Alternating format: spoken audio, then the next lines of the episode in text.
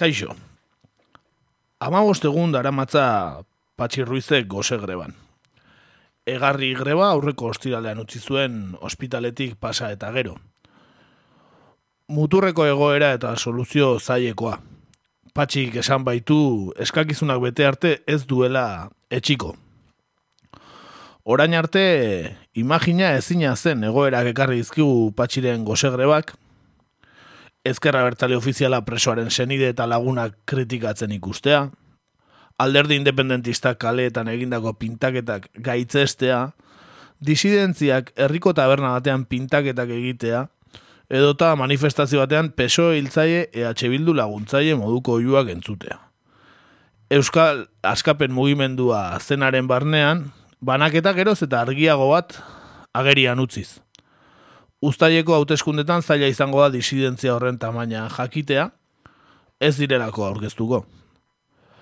Guzti honek, hau zapore gazia utzi badio EH Bilduri, Madrileko albisteek gozatu dute bere hau zapaia. Pesoerekin eta Podemosekin akordio garrantzitsu bat itxi baitu. Besteak beste, PPek inposaturiko lan erreforma desegitea lortuz. Ez naiz ni izango akordio honi garrantziak enduko diona, baina EAJarekin Madrileko eltzetik nork baba, baba gehiago aterako lehiatzen ikustea harrigarria bada benik behin. Kubako iraultza edota Irlandako mugimendu errepublikarra referentzia izatetik Euskal Independentismoak erreferentzia autonomista goen bila hasi beharko du. Miguel Ángel Revillaren partido regionalista de Cantabria agian? Nola aldatzen diren gauzak, kamarada? Hemen hasten da, gaur, egur. Guten Tag, meine Damen und Herren. C'est la lutte contre le terrorisme. Katea ez da eten. Agirre, garaikoetxea, leizaola. Gaur egur. Gaur egur. Gaur, egur. jolasten eta enredando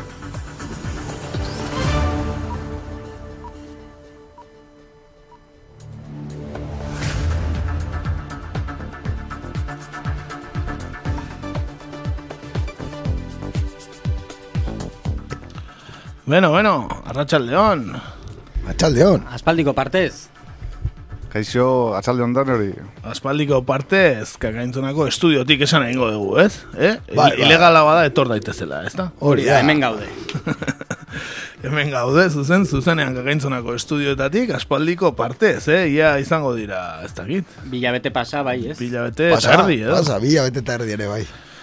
Bueno, eh, gero etxetik ibili ginen egiten, ez da, eh? Osa, bideo, bideo deiekin altzen moduan, eta azken bi asteetan ez, ez etxetik eta ez hemendik ez dugu egin, eh, esan behar degulako konfinamendu, bueno, eh, amabosteguneko kuarentenan egon garela, ez da? Hori da. Bai, baina ez COVID-agatik. Ez, hori da, hori da. Beste arrazoi batzuk medio, ez da? Ez dugu esango ze gaixotasun izan ditugun, baina ez da COVID emeretzia izan. E, ba hori, xe, gogotxu, era bat gogotxu, ez da? E, aspaldiko partez, e, hemendik irratsaioa egiteko, ez dakit zenbagatuko zaizkigun denboraldia bukatu arte, asko ez? Ospa bostola. Hauzpa bost, baina, Covid bueno, bueltatzen ez bada, ez? Oendik behar bada denboraldia bukatu baino lehen berriro beste reporroteren bat izango dugu. bai, bai, etxe, etxeratzea agintzen baigute, ba, agian jarraituko dugu, etxetik egiten ikusiko dugu. Esan, hogeita bost garren irratsaioa dela denboraldi hontan, hau, así que, bueno, lanak beteta iritsi garela, eh, denboraldi bukaerara, eh, dena den. Bai, bai, denboraldi hona izaten ari da, ez da? Ba, horixe. Ba, besterik gabe, guazen bertan gaur atalarekin.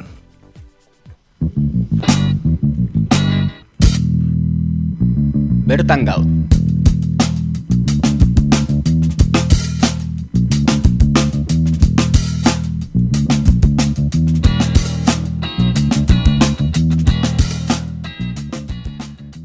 Gaurkoan deseskalada kontuetatik aratago, agenda informatiboan tarte handi bat izan duen aferarekin gatorkizue. Patxi Ruiz, e, entzun dugun bezala Iruñako txantrea auzoko preso politikoak maiatzaren amaikan abiatutako goz eta egarri grebak hautsak arrotu eta albiste ugari utzi dizkigu. E, bere egungo egoerari buruz, protestaren arrazoiei eta kaletan izandako jartzunaz aritukara, arituko gara gaurko hontan.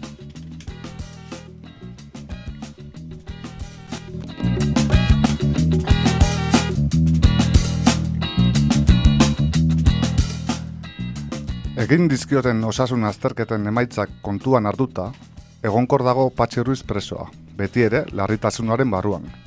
Amnistiaren aldeko eta errepresioaren aurkako mugimenduak asteburuan kaleratutako barraren arabera, Euskal preso politikoaren konfiantzazko medikua, Murtzia biko espetxeko sendagaiekin bildu zen larun batean. Eta ikusi izan zuen haiek ruizen osasun egoeraz egindako txostena. Iruñeko presoak, joan den maiatzaren amaikan, hasi zuen goze eta egarri greba.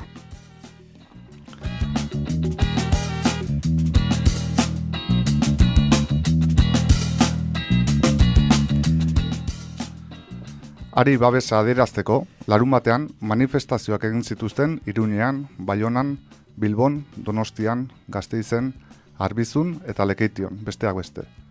Euskal presoak etxeratzeko eskatu zuten, baita amnistia aldarrikatu ere, Iruñeko manifestazioaren ostean, istiluak izan ziren eta pertsona bat atxilotua izan zen. Bizkaiko ezkerraldean, Ruizekiko elkartasunez, goze grebe aginduten hiru pertsonek bukatu dute protesta hori. Amnistiaren aldeko eta errepresioaren aurkako mugimenduak jakinarazi duenez. Amaika egun pasatu dituzte jangabe.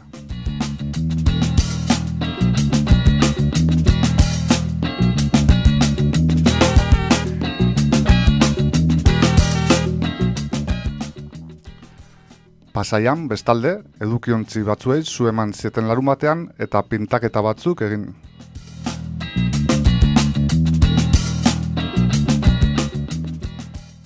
Eta auto judizial baten aginduz, Murtziako ospitale batera eraman zuten Ruiz ostegun gauean. Handik itzulita, kartzelako ertzaindegi, erizaindegian sartu zuten ostialean eta COVID-19 aurkako protokoloari jarraituz bakartuta dago. Horren ondorioz, larun batean ezin izan zuen amaren bizita jaso. Ospitaletik bueltan, egari greba utzi zuen, baina goze grebari usten dio.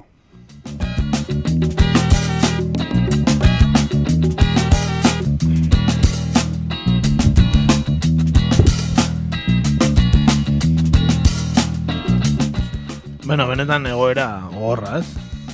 Bai, bai, e, oso gogorra ez, beti da egoera zail bat, e, gozegreoa bat, eta, bueno, kasu hontan zeintzu dira arrazoiak edo Patxi Ruiz e, ba, horrelako erabaki gogor bat hartzera bultzatu dutenak.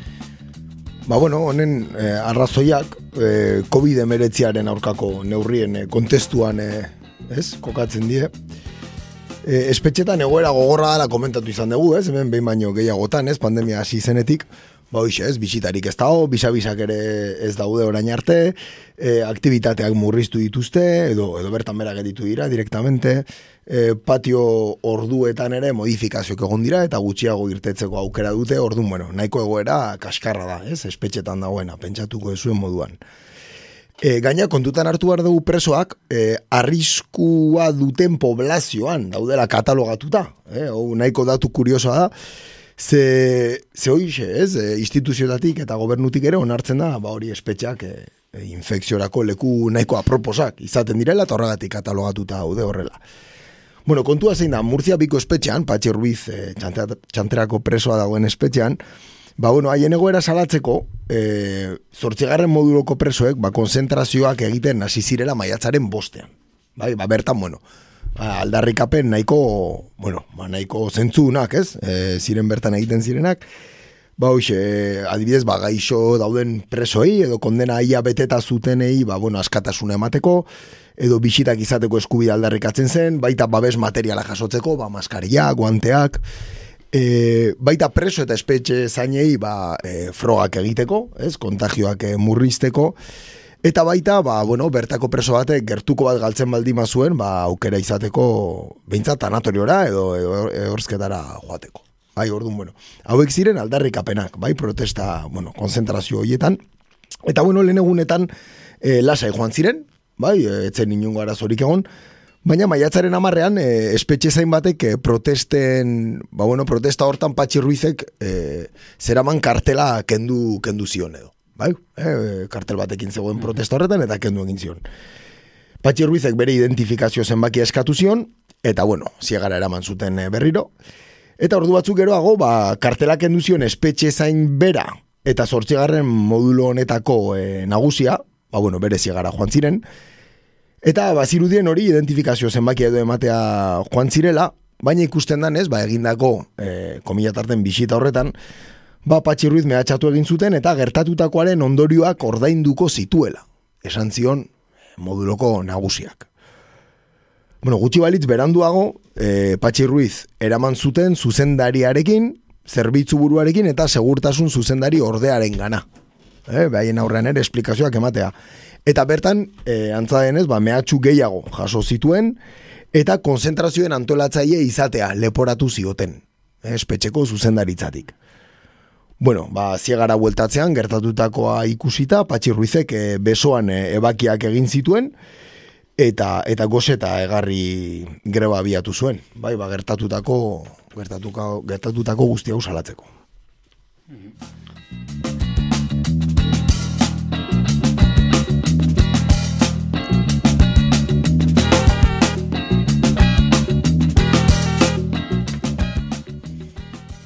Ja, eta badira egun batzuk ez, egoera dramatiko hau hortan datzala edo orain erietxera eraman duten arte, e, nolakoa izan da bilakaera edo goze grebaren hasieratik gaur arte. Bueno, ba, pentsatuko ez zuen moduan, egoera noski ba, kaskartzen joan da, eta eta oso oso okerrera gainera, bai. E, esan dakoa, maiatzaren amaikan, ez, hasi zuen e, e, gozeta egarri greba, eta egun hortan, ba, egindako, besoan egindako ebakiak sendatzeko espetxeko, ba, hori erizaindegira eraman zuten, bertako medikuak ez zuen ikutu ere egin, eta, bueno, erizain batek eh, egin zion eh, egin beharreko kura, eta medikuak, e, llevaos a esta mierda de aquí, esan omen zien e, funtzionarioei kura amaitutakoan. Bueno, hortik ez zuten berriro bere modulora eraman, bai, e, errespetuzko, edo, ez, hola deitzen dieten modulo hietako batera eraman zuten, eta bertan ez dago beste preso politikorik. Bai, errespetuzko modulo hauek dira, bueno, puntuazio batekin funtzionatzen dutenak, eta abantaia gehiago komilatarten ematen dietenak e, presoi. Mm?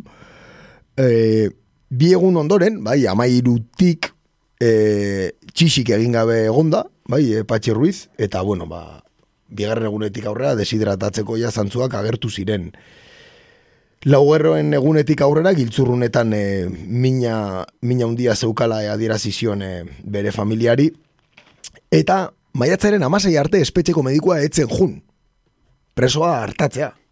Hau da, bost egun egon zen gozeta egarri greban, medikua bere ziegara joan zen arte. Beraz, bueno, hori datu nahiko importantea.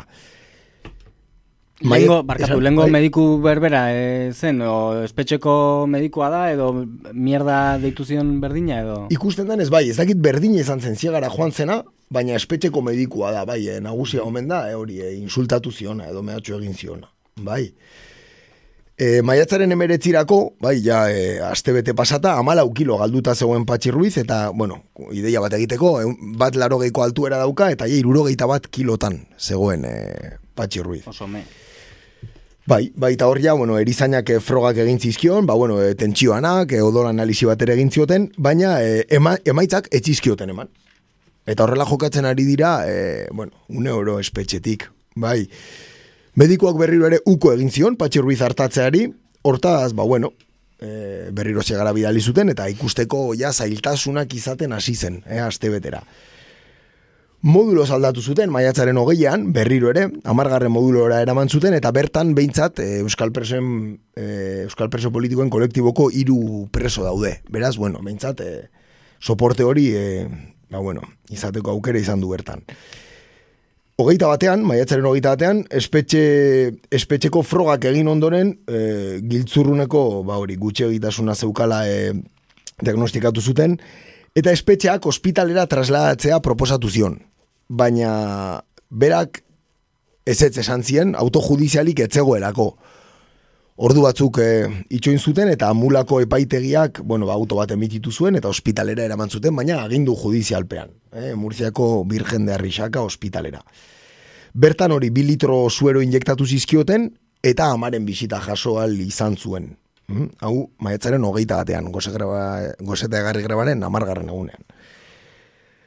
Hogeita bian espetxera bueltatu zuten, eta protokolak agintzen duen bezala, bai, e, ba, bueno, konfinatuta egon bardu, espetxetik atera delako, eta bueltatu delako. Hortaz, isolatuta dago, e, ba hori, e, erizaintza moduloan edo, bai. Eta hoixe, espetxera bueltatzean egarri greba utzi zuen, lehen esan bezala. Eta asteburu honetan ikusten danez, ba, bueno, bere konfiantzazko medikua, espetxeko medikuekin bildu da, komentatu dugu moduan, eta eta beraiekin behintzat bilera bat egiteko aukeri izan dute. Hori larun bat honetan. Beraz, bueno, hause pixka kronika, ez? Orain arte daukaguna. Bai, nahiko kronika latza ez, gauden garaietan egoteko, ez dakit, desfasasuta datorren notizi bat ematen du, ez? Bai, bintzat bai Euskal Herrira begira, ez? Hori da. Eta e, gaur esan dugun bezala, amabos garran eguna du, ezta? Amabos garren eguna. Hoixe, e, goze greban jarraitzen du, baina kontuten euki behar dugu, amar egun ere egarri greban egon dela. Hortaz, bueno, ba, fizikoki oso kaltetuta egongo dela. Bai, bai, bai, beste batzuk egon direla egun, asko, egun asko eta asko e, goze greban, ez da? Baina egarri greban egon da gero amarregun, ba, ezin dira kalkuluak beste, bueno, gaina gorputz bakoitza desberdina da, baina ezin dira e, iraganean pasatako beste adibide batzuekin konparatu, ez?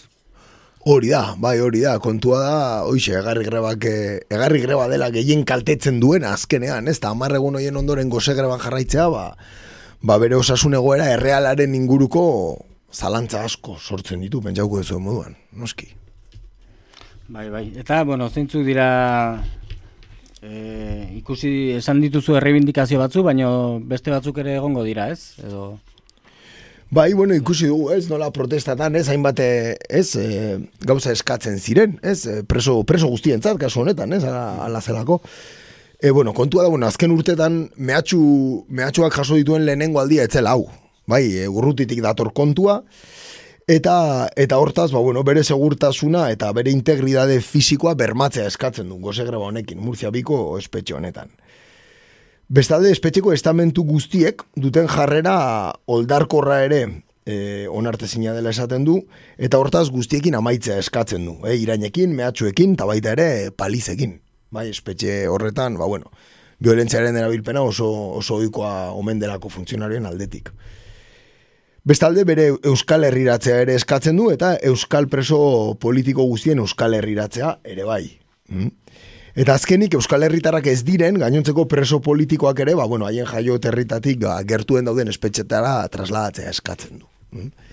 Beraz hauek dira, bere, bere reivindikazioak eta eta goze berreba honekin badituen helburuak. Mm baina e, ez dakitena helburu guzti horiek bete arte jarraitzea esaten duen. Zeren, claro, batzuk egingarriagoak dirudite beste batzuk baino, ezta?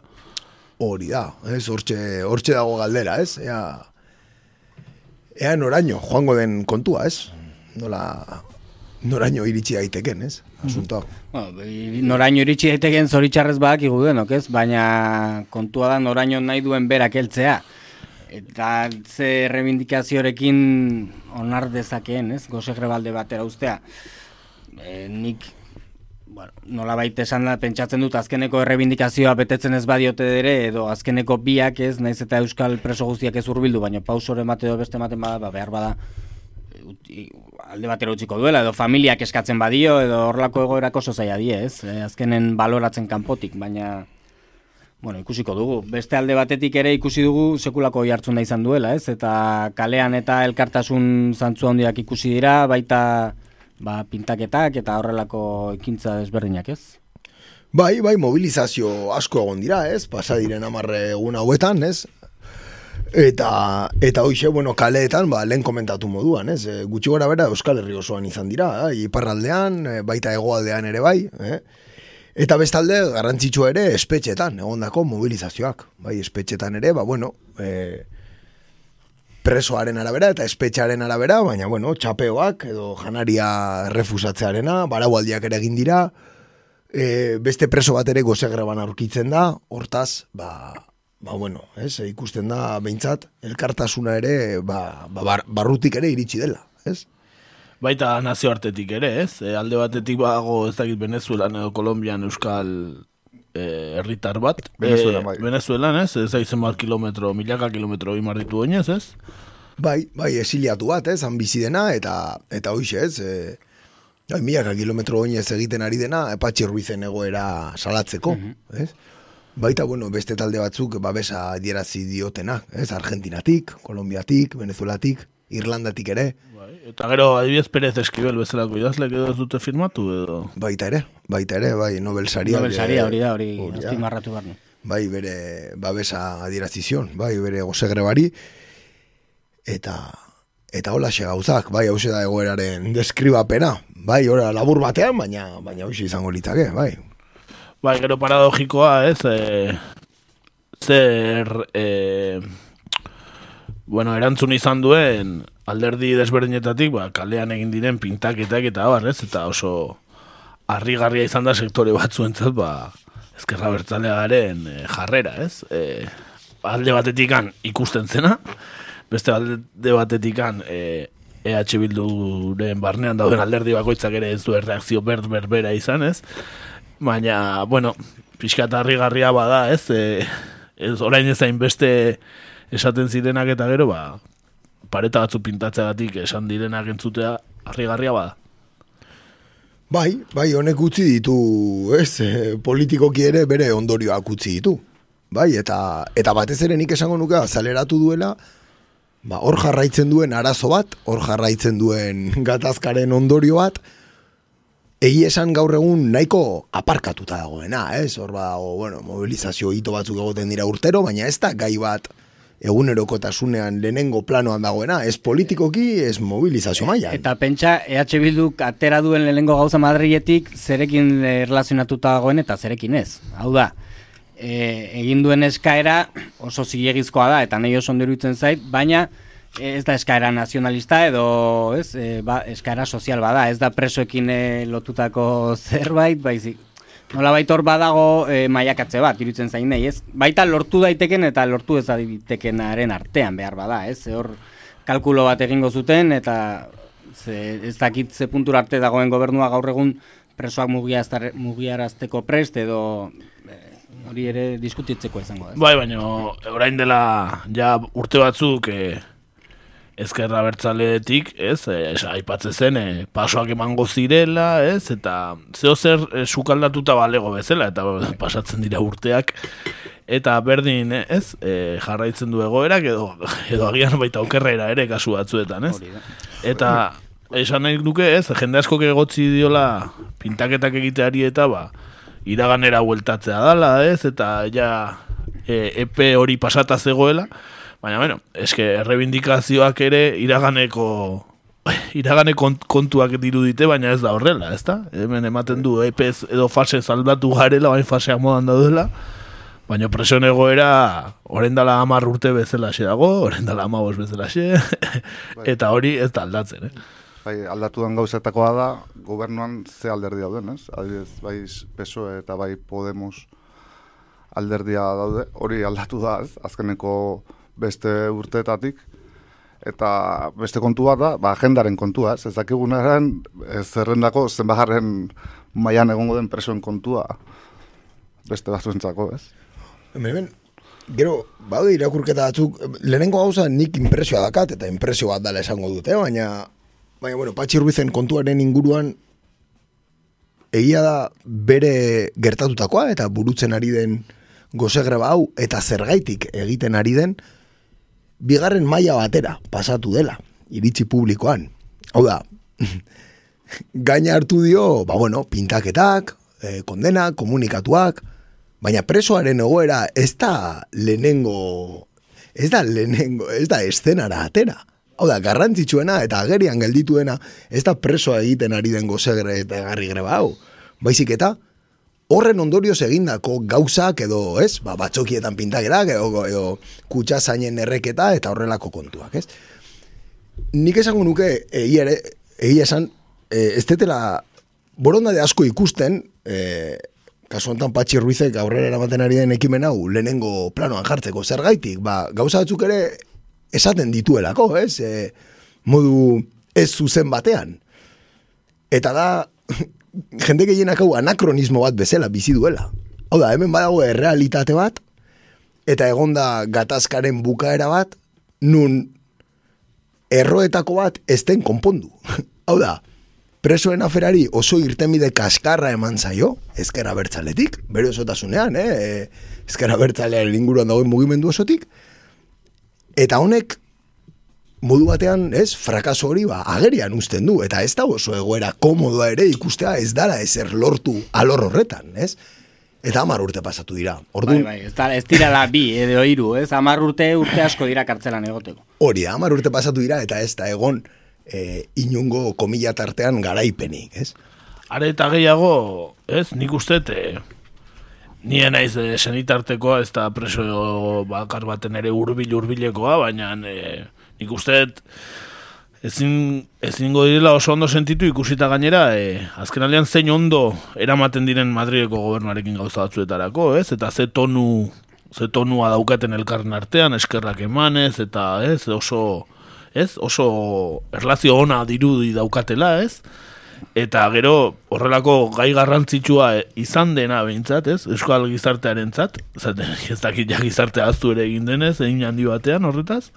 Horrelako gai garrantzitsu bat nola pasaden e, ba, maieko e, horri piloko azkenatakoa izatea, ez? Bai, eske gizartea, bai, az, az, ez dakit naita edo baino aztura bat nabaritz eta gizarte osoan, ez? Gaurko gazteek ez dakite, osea, zer gertatu zen hemen duela marrurte, o, bueno, edo hogei urte, ez?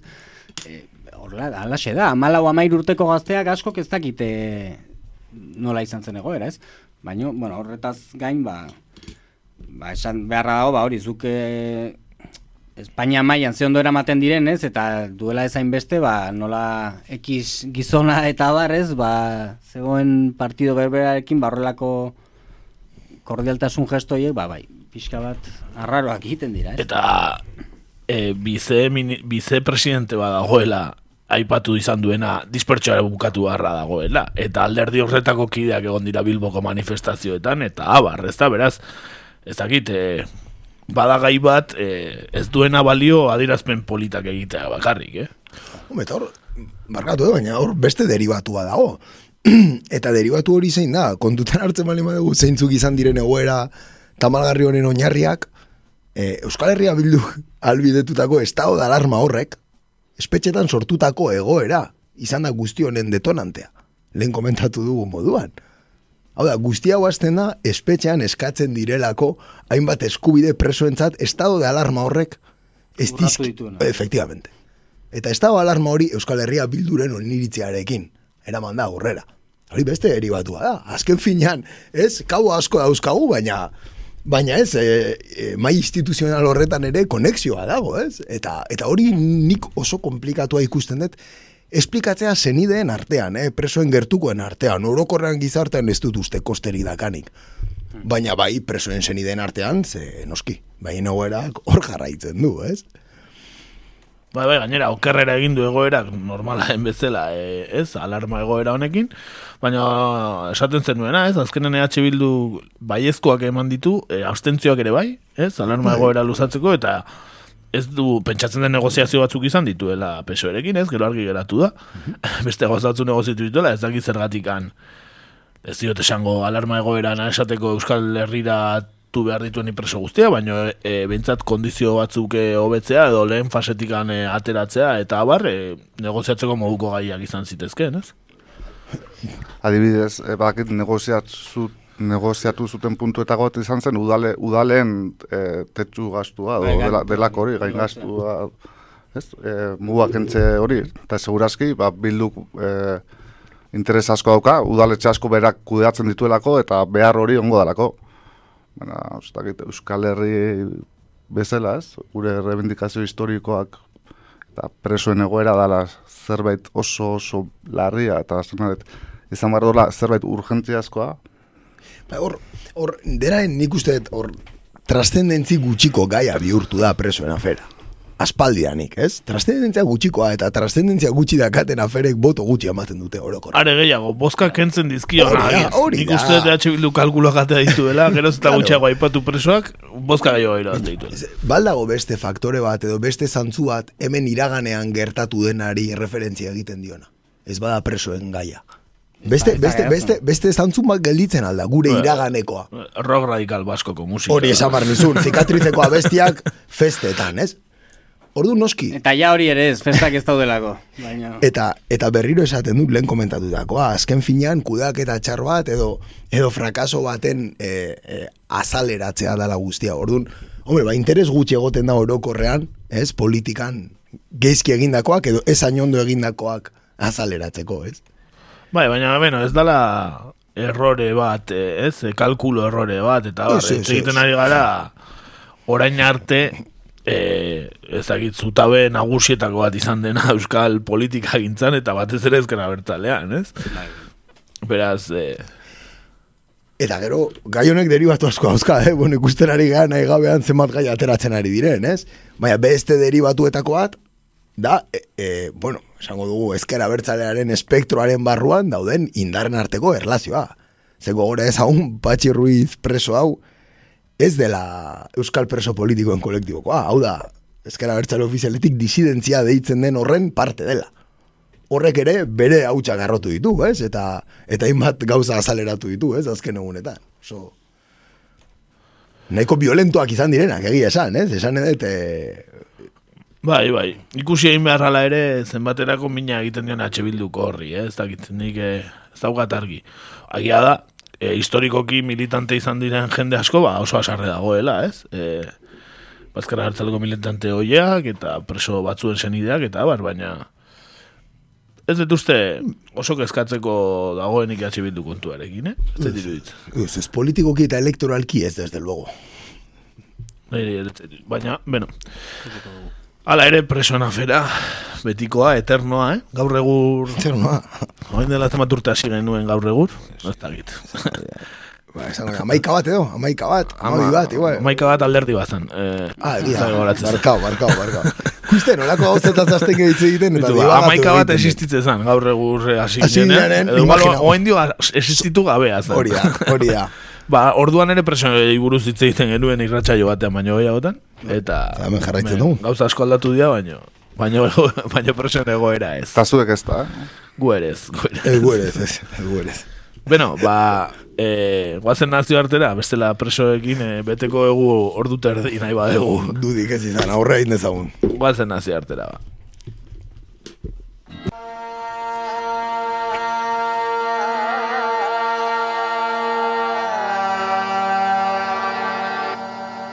Nazio artean gaur.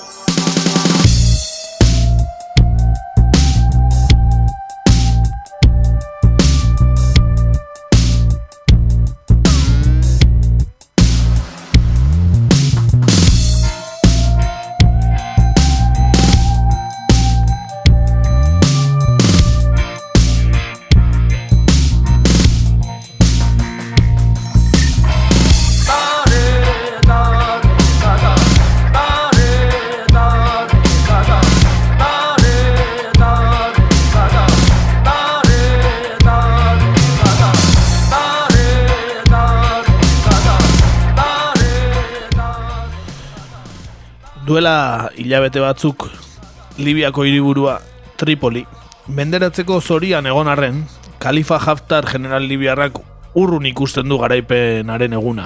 Gatazkaren nazioarteko indar berriak sartu eta nazio batuen erakundeak onartutako gobernuak garaipen ugari lortu eta gero. Duela ia hamarkada bat, udaberri arabiarraren ostean sortutako negu gordina paraitze, pairatzen jarraitzen du Libiak eta bertaragoaz, Libiara.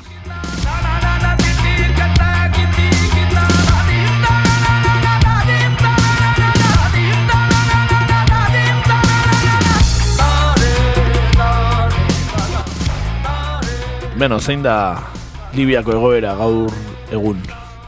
Bueno, ba, Libiak oraindik gerran jarraitzen du, ez? E, duela ia marka bat hasi zen, baina, bueno, e, egun egungo egoera da Haftarrek e, Tripoliren kontrako erasoldia hasi zuenetik urte bete igaro dela, eta, ba hori, e, aipatu duzun moduan hiriburua konkistatzeko zorian egon arren, ba, azken asteetan borrokako gogor egin eta herrialdearen mendebaldeko fronteko borrokei mendebaldean dago Tripoli gogoratu, e, Tunezekin gertu, ez?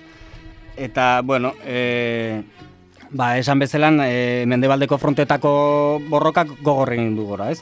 E, pentsa dezakezuenez, COVID-19 pandemiaren garaietan, ba, nazioarteko e, komunitateak ba, gogor egin du dei bat, ez, e, nolabait gatazka bukatzeko, baina e, normalean ez, ez diote kasurik egin, ez? E, pentsa dezakezuenez, Libia herrialde bereziki haula da, ez? E, pandemiaren testu inguruan, izan ere, bederatzi urte daramatza gerran, eta osasun zerbitzuak ba hilzorian daude. Hilzorian daude estatua dagoen bezala, ez? E, materiala eta sendagaiak erosteko funtsik ez dago eta gaizki hornituta daude, pentsa, ez? Espainia mailan gaizki hornituta baldin bageuden Libia batean nola egon daitezkeen.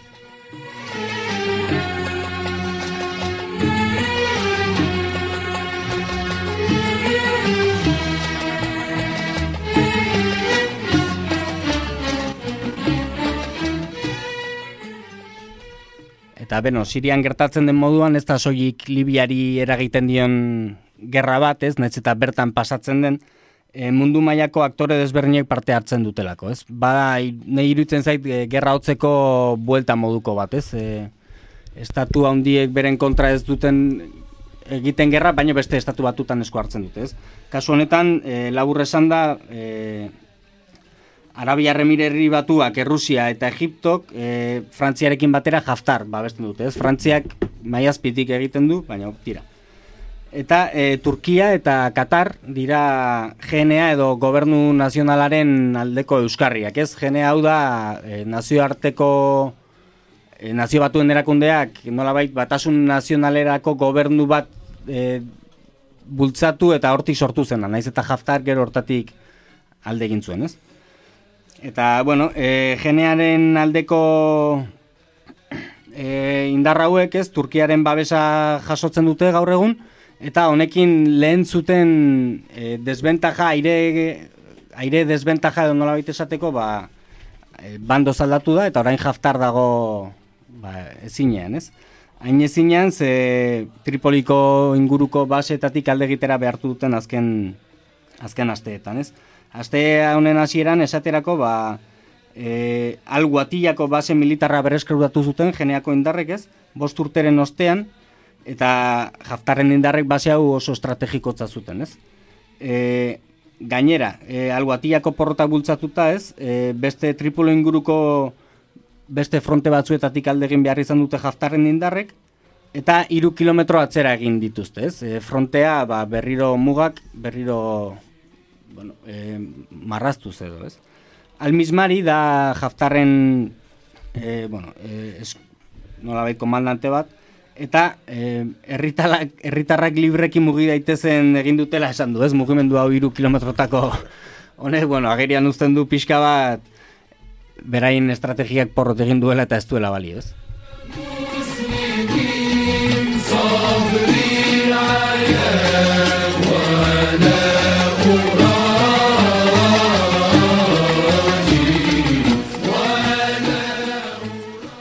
Eta iabeteotako porot militararen eta ezinen ostean, Kalifa Haftar Libiak ialdeko buruzagi militarrak estrategia aldatzea erabaki du, eta Turkiari begira jarri da.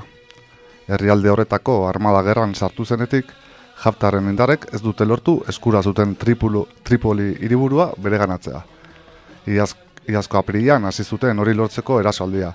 Eta hortaz, ekialdeko buruzagi militararen aliatuek atzo jakinarazi zuten aireko kanpaina bat hasiko hasiko dutela Ankaran Libian dituen postuen aurka. Ankarak Libian dituen postuen aurka. Horrek batasun nazionaleko gobernuari eman dion babesagatik. Alere, ikusteko dago, erasoalde hori hasiko duten, edo hasitare zenbat irango duen.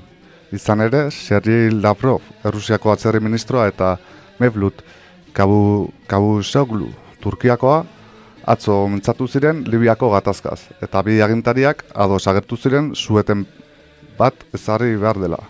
Dena den, horren inguruan ere zalantzan diak daude, orain arteko saiakerek ez baitute fruturik eman.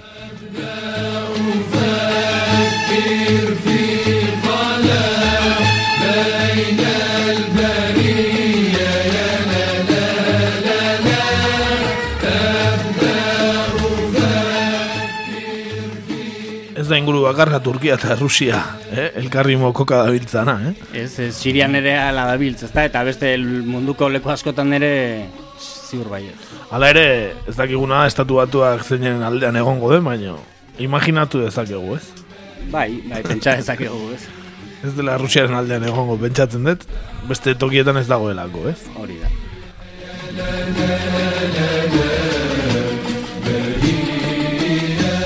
Lehen pixka taipatu da ez ere, jakin ezagun pixka gehiago nondi datorren Haftar, ez da? Kalifa Haftar.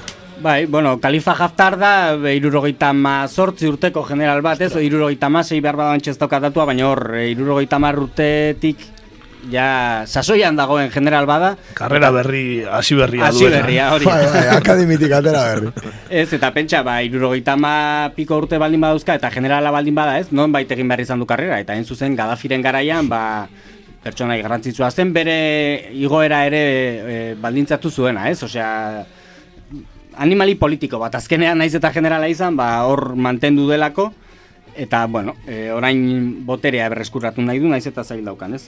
Baina, bueno, e, oraingo gatazka, ez, esan dezagun gerra zibil berri hau edo, hasi zen, ba, bueno, justo Gaddafiren erorketarekin, ez? E, deno gogoratzen dugu uda, udaberri arabiarran, nola, orain degeneratu den estatu askotan, eta 2008an Gaddafi erortzen da, ez? Deno dauzkagu buruan irudi dramatiko haiek, e, Gaddafi ba, lurrean botata hilda eta jendea, ez? Nola ez dakiz zertarako ik- ikusarazi ziguzkiguten, baina tira. Bai, estatu bateko buruzagi bat eh, nik ez dut inoiz ikusi horrela, ez? Eh, Hori da, ez? kaleko txakur bat bezala, ez?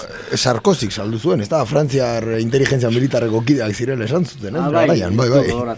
Bere, bere kanpainan hainbat finantziazio kontu eta zaritu ondoren. Baina, En fin, aurrera nik ez jarraitu ezan. Estatu bururik ikusi horrela, ez? Eh, horrela da, iku, hiltzen horrela ikusten ez, ez daukat buruan. Bai, bestea izan zen Txantxe- Hussein, ez? Bueno, bai.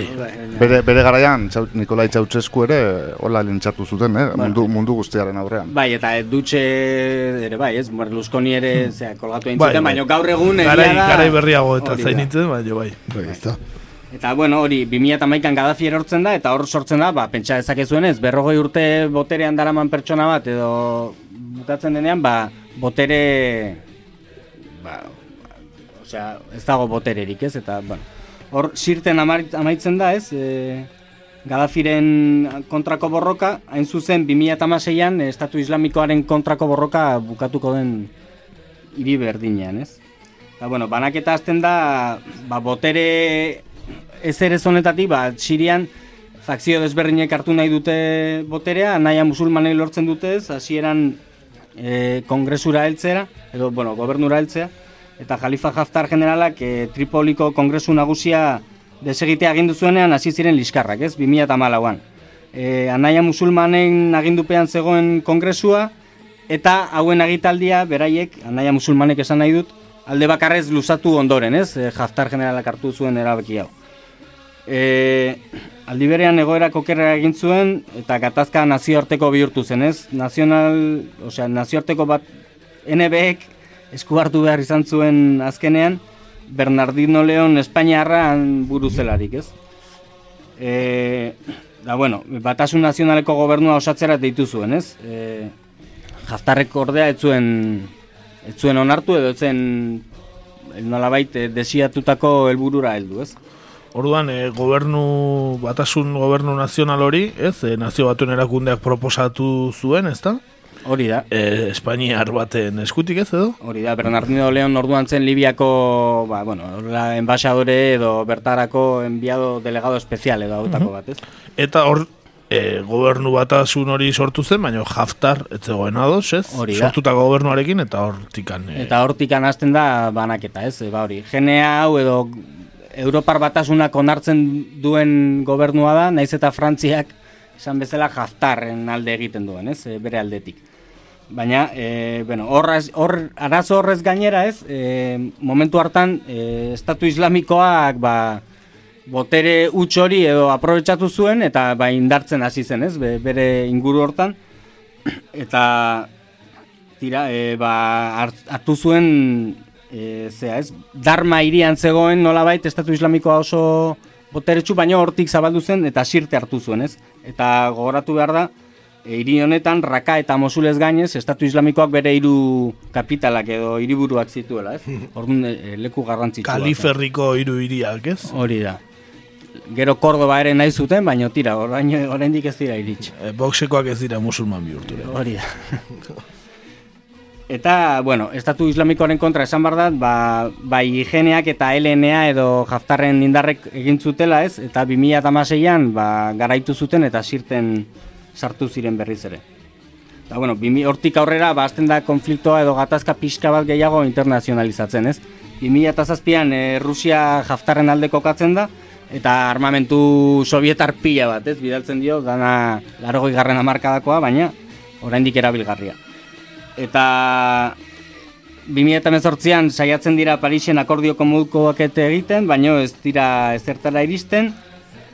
Eta e, 2019an Haftarrek Tripoliren kontrako erasoa hasten du, ez? E, hasieran e, laguntza militar Rusiarra, Arabiar, bueno, Saudi Arabiarra, e, Emirat, Emiratiarra, Egiptoarra, Sudan, Sudanekoa eta Frantsesa dauka, ez? Eta estatu batuen momentu horretan esaten du John Bolton segurtasun idazkaria buruzelarik e, hitz hauek esaten ditu, ez? If you want to attack, do it quickly. Hau da, e, eraso egin nahi baduzu egin azkar eta ez, ez da ia lokaztu asuntua, ez? Eta guztiz kontrakoa gertatu zen, ez? Asuntua lokaztu egin delako. John Bolton beti bezala asmatzen, bere. Bai. Visionario bat, eh? Visionario bat, John Bolton, eh? Agertzen Bai. da bakoitzan. Eta, bueno, genea hasieran edo gobernu nazionaleko eh, gobernua ez zuen inork babestu, baina gero, ba, esan bezala, e, Turkia ere sartu da gerran, ez?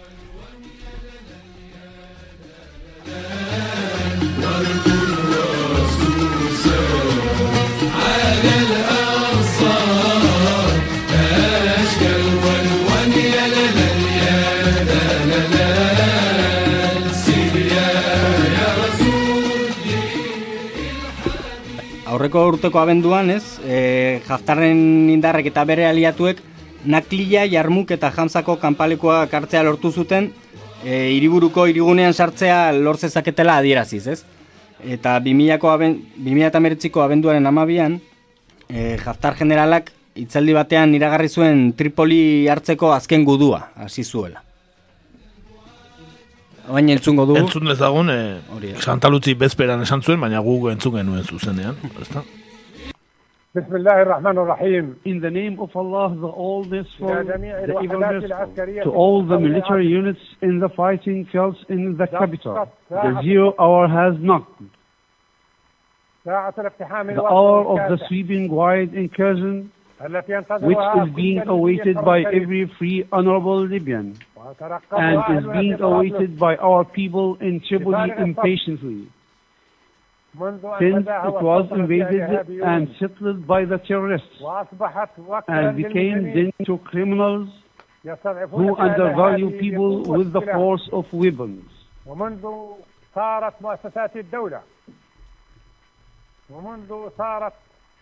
And since the state institutions became their tool to pillage Libyans' will, policy, جهارا نهارا and for all the world to وعلى see. رؤوس الأشهاد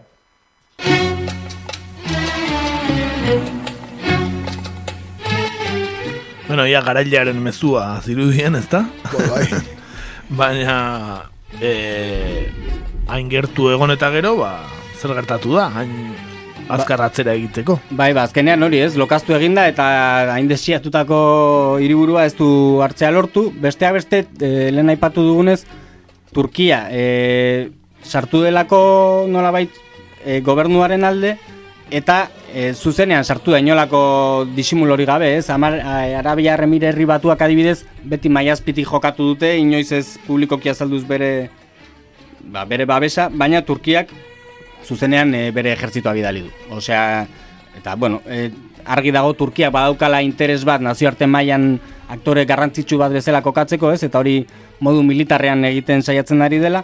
Baina, e, kasu honetan ere gaina lortu du bere interesa, ez? Da, eta Haftarrek atzera egitea, Haftarrek dron pila bat zeuzken eta horrekin eraso egiten zuen hiriburua, eta orain, ba, Turkiako aire indarra bertara bidali eta gero, ba, ba, abantaia hori amaitu zaio, eta atzera egin behar izan du, ez? Horregatik esan du Haftarrek bestea beste, ba, Turkia oraintxe bertan bihurtu dela, ba, e, berain etxaia, eta bere, osea, objektibo direla bere bere guneak eta eta bar, ez? Orduan ikusteko dago noa joango den gerra.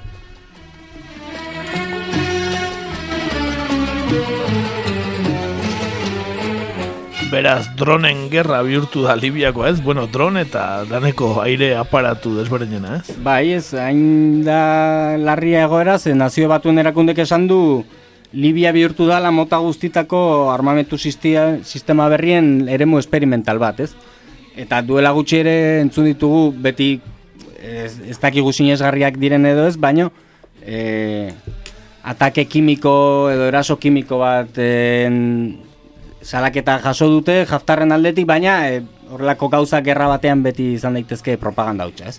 Baina, bueno, e, nolabait, pentsatzeko da dauden potentziak e, kontutan hartuta, bertan implikatuta dauden potentziak, ba, beraien material militarra probatzeko desioan egongo direla, ez, askotan bezala. Bai, benetan, e, Bai, eta ez dituztela konfetia botako, ez? Ez. Ez eta ikustekoa izango ez, ze aparatu berri izango ote diren oraingo mi- gerra modernoetan, eh? Oraingo militar eh, agian militar ospe handien irabazikuten militarrak izango dira gamerrak, ez? Bideojokuetan Bai, abilenak, ez? Segura aski, ez da, ez hor beti dago. Pasegoen bere garaian kanta bat, eh? Joni, eh? Joni... Si Johnny solo es un cretino que maneja un bombardero, Nik da. uste dut Joni asko dagoela, ara, Bai. gaur, gaur egun. Baino, bako- baino sofatik, eh? Hori da. eh, hola, anekdota moduan jakizue Irakeko, ez, Golfoko bigarren gerra izan zenean, 2003an, enkuesta bat egin zala estatu batuen eh, armadan, hogeita mar urtetik bera zutenen artean, eta hiru arrazoi nagusien artean euneko laro marrak Playstationa aipatu zuela. Armadan sartzeko eta Irakera juteko. Ideia bat egiteko, eh? Noain iritsi daiteke.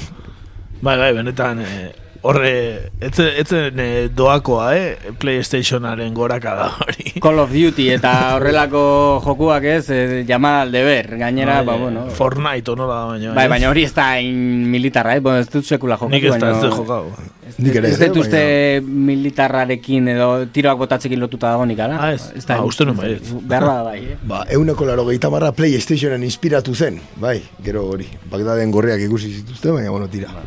Bueno, ala ere Libiarekin amaitzeko, ba, egoera larria, ez da? E, hainbeste urte gerran egon ondoren, orain gainera ba, pandemia mundial hau ere e, iritsi da bertara, beraz, e, bueno, e, dana, dana daukate, ez da? Bai, eta gainera e, emigranteak ere bai, ez? Go, lehen noizbait aipatu izan dugu hemen Libia izan zela ruta garrantzitsu bat, ez? Mediterraneoa sartzeko, eta bueno, gaur egun gauzak aldatu egin dira, noski, baina beraiek ere pairatu dute egoera hori Libian, ez? Eta ikusteko dago, noraino oso oso lokaztuta dago asuntoa, bai hemen eta bai Sirian ere, ez? Eta Bai, eta beste potentziak gaina hain zuzenki sartzen direnean, herrialdean, e, gauza honik ez. hori da, petrolio asko dauka Libiak, eta bueno, ba...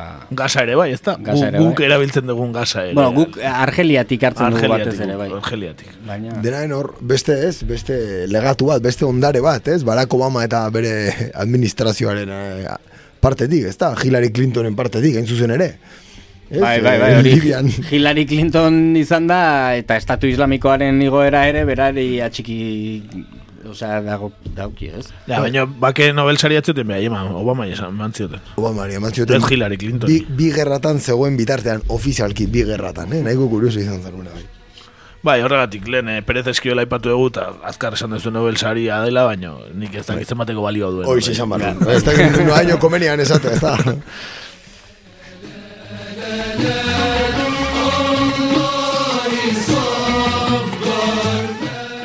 Beno, Balibiara itzuliko gara beste batean, ez da?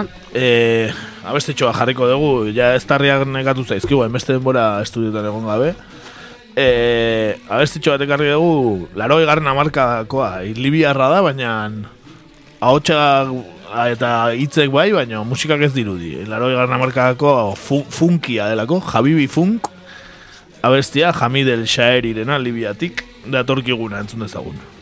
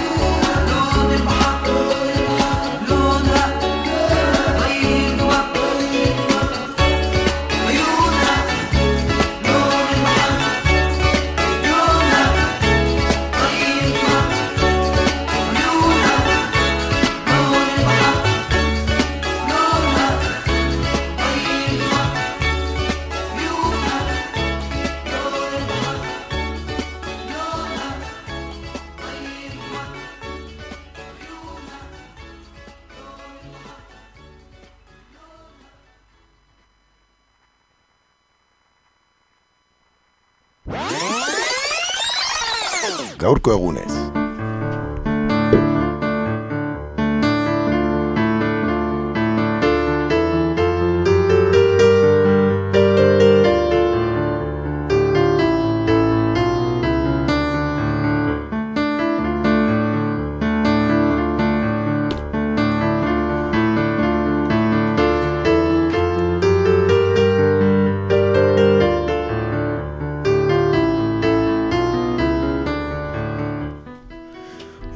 Ba, gure gaurko egunez atalean gure denboraren makinan sartu eta berriro ere Siziliara bidaiatuko dugu oso gustokoa dugu eta Gaurkoan, e, orain hilabete inguru kontatu genizuen gertakari odoltsuen ondorioz, gertaturiko beste historia odoltsu batekin amaituko dugu Siziliara eginiko denbora bidai hau.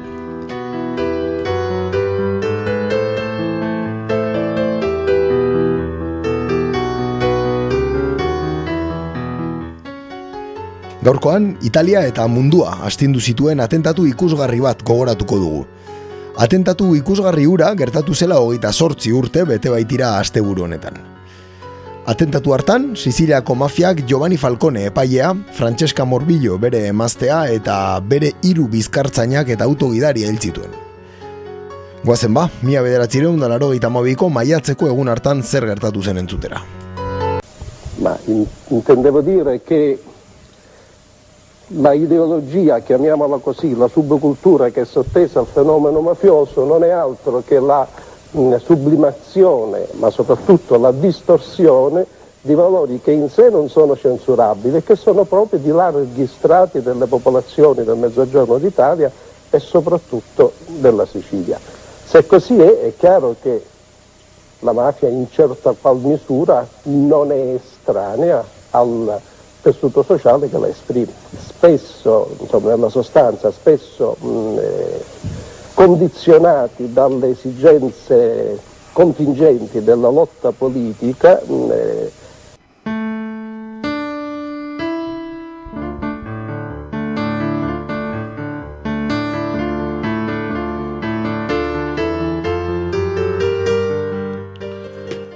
Beno, Giovanni Falcone. E, nortzen? Giovanni Falcone ezaguna.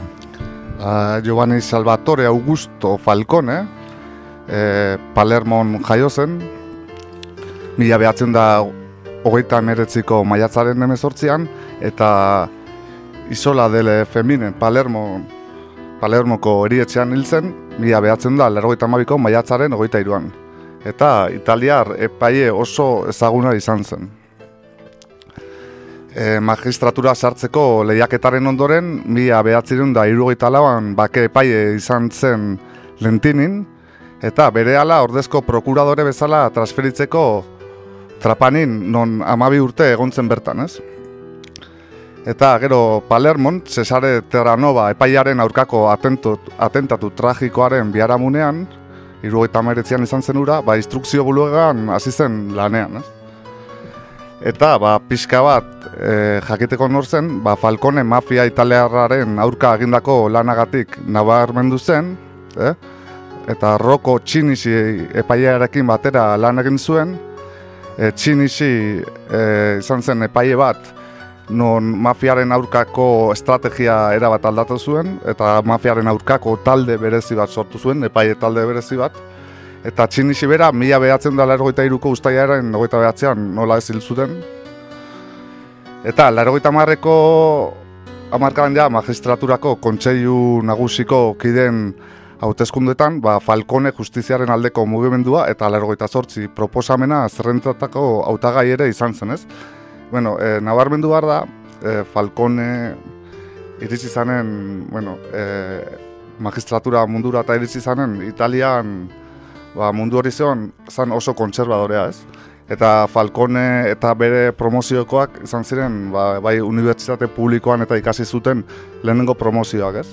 Eta ja, erabat zarkituta zegoen ba, mundu batean sartu ziren ez, eta oztopo oso handiak izan zituzten. Aipatu gara Falcone bera e, ezkerrekoa zela, e, Palermoko e, auzo xume batekoa zen, eta ba, ja, bea be, bere ala hasi zen ba, denearen kontra eta ba, pixka bat benetako mafiaren aurka, ba, benetan e, barrutik borroka egiten, ez? Eta hori nabarmendu arra Sizilia zela baita, eh? Bai, bai, Palermokoa, Palermokoa. Bai, bai. Eta hori xe pixka bat eh, nortzen Falcone baitz gutxitan, ba, mafiaren aurkako epaiereik e, garrantzitsuena, ospetsuena, eta e, hori, ba, beha izan zen, ma- mafiako kideak e, prozesatu zituen, ez? Ba, kide garrantzitsuenak, eta gero bai politikariak ere implikatu zituen.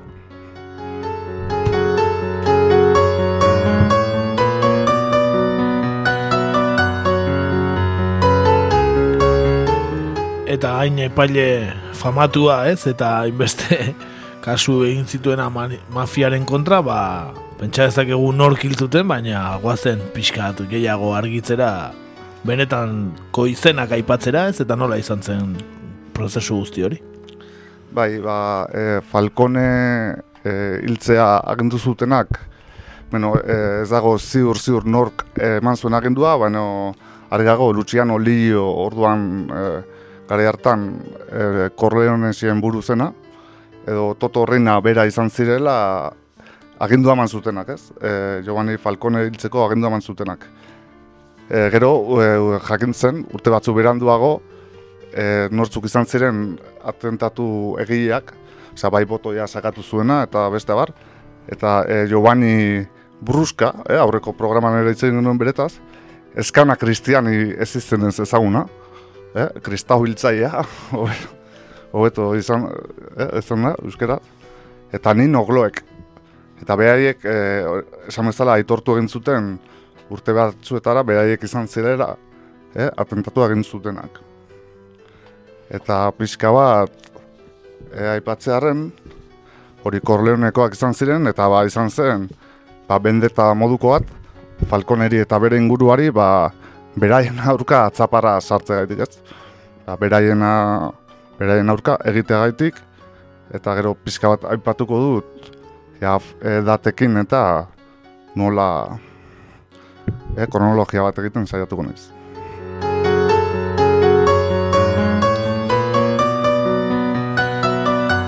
Eta, bueno, esan dugu mafiaren aurkako bere lanagatik izan zen famatu Falcone eta lan, non, lan horre guztiak, prozesu horre guztiak eraman zuen epaiketa oso famatu bateraz. Izan zela maxi epaiketa, maxi prozeso. Italian eta epaitu zituzten, ba, mafiakide gehienak, ez? E, guztira ia lareun izan ziren epaituak. Eta, bueno, guazen entzute audio bat e, epaiketari, epaiketa horretakoa. Garai hortako agintari nagusietako bat, ezta? Hori da. Corleonesien buruzagi e, Ligio. Luciano Lillo, bera, entzungo, entzungo dugu epaiketan zehar. Gero aipatuko etzen zen Lillo, bale, labur labur. Faccio presente, io sono stato arrestato nel 74 e da allora sono in carcere e dal 77 sono stato, pure non avendo eh, nessun merito, sempre messo in isolamento e nei carceri di Segure. Quindi non vedo come abbia potuto commettere queste, questi reati pur volendo, pure, o come abbia potuto fare per com- comunicare con qualcuno per ordinare eh, queste, queste accuse assurde che lei mi, mi contesta.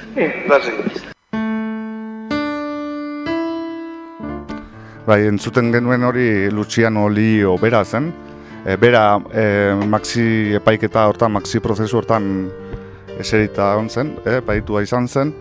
Epatu behar da, e, beak hor esaten duen bezala, e, bea, berari egosten zioten e, garai hartan e, maxi epaiketan zehar ba, e, denaren buru esatea, ez? Mafia guztiaren buru esatea, eta berak esaten zuen, horri nola da posible, ni irugaita malautik hartzelan nago, ja, ezinezko da, ni hemendik tana agintzen egotea, eta, bueno, denaren kulpa niri ematen dira zuen, ni korleoneko nekazari gizako naiz, eta dana horrelako kontuak esaten zituen epaiketan, ez? Adibidez, eh, ez zuten epaiketan erretzen duzen, eta bea puruarekin lasai-lasai erretzen, eta adibidez, epaiak, hori epaiketa hasiera hasieran kargu egiten dionean, purua itzaltzeko e, pro, e, ba, debekatua dagoelako, berak esaten du ez ez, ez da bizioaetik, eh? Medikuak esaten dit errebarra dukatela, e, hori, eta nahi baduzu ekarriko dizut papel bat, eta eta azkenean gaina entregatu egiten dio txosten hori, berak jakizu zen medikuren gandik lortutakoa, eta epaiketan erretzen du ez. Hombre, nork ez daki abanoak ona diala asmatiko entzat A ver, a ver, eske, eske. Et, eta dena, olako, olako pixar kontuak ez, lio da niretzako korlenekoen artean personaiara, aipagarrenetakoa, eh? E, beak polio gaitza zuen, e, bizkarreko arazo larriak zituen, e, bizitza guztia eman zuen ia ies eginda. E, fama, bere fama handia horregait zen, ez zutelako inoiz lortzen bera atxilotzea, ez? Eta ganera zen e, urte gutxitan ikaragarria bera zuzen, eta bere moru, modus operandia etzen edroak saltzea eta hori, eh? estortzioa eta eta baiketak ziren, ez? Bere, bere fuertea. Old school, esaten da moduan, ez. Droga eta olako zikinkeria. Eta, eta berak, eh, aipatzekoa da, irugaita margarren amarkadan, eh, Forbes zerrendan, nago ziur, lehenengoa zen edo bigarren, zerrendako bigarren estatu batuar bat, eh, erroman zegoen oporretan, eta bere semea baitu zuen liok, ez? Osea, munduko pertsona beratzenaren semeaz. Eta sei bat hilabetez edo ukizuen baituta, eta ikusten danez, eh, ez zioten oso serio hartzen lio nortzen bestek, ez? Eta utxura danez, ba, erregateatzen ero saiatzen ziren. Eta alako batean, ba, liok eh, bere semearen belarria bialdu ziren, eh, eta, bueno, egun gutxi batzuetan eh, ordaindu zioten, ez? Ez da zaila horrela beraztea, ez? Ez, ez. Eta, bueno, dana lioren kontuak dira, bai, baiketa eta bai estortzioa gaiena. Eta baina entzungo dugu jarraian urrengo audioa, e, li hori berari entzungo diogu. Io il cognome falleggio, però per tutti sono il signor Licio.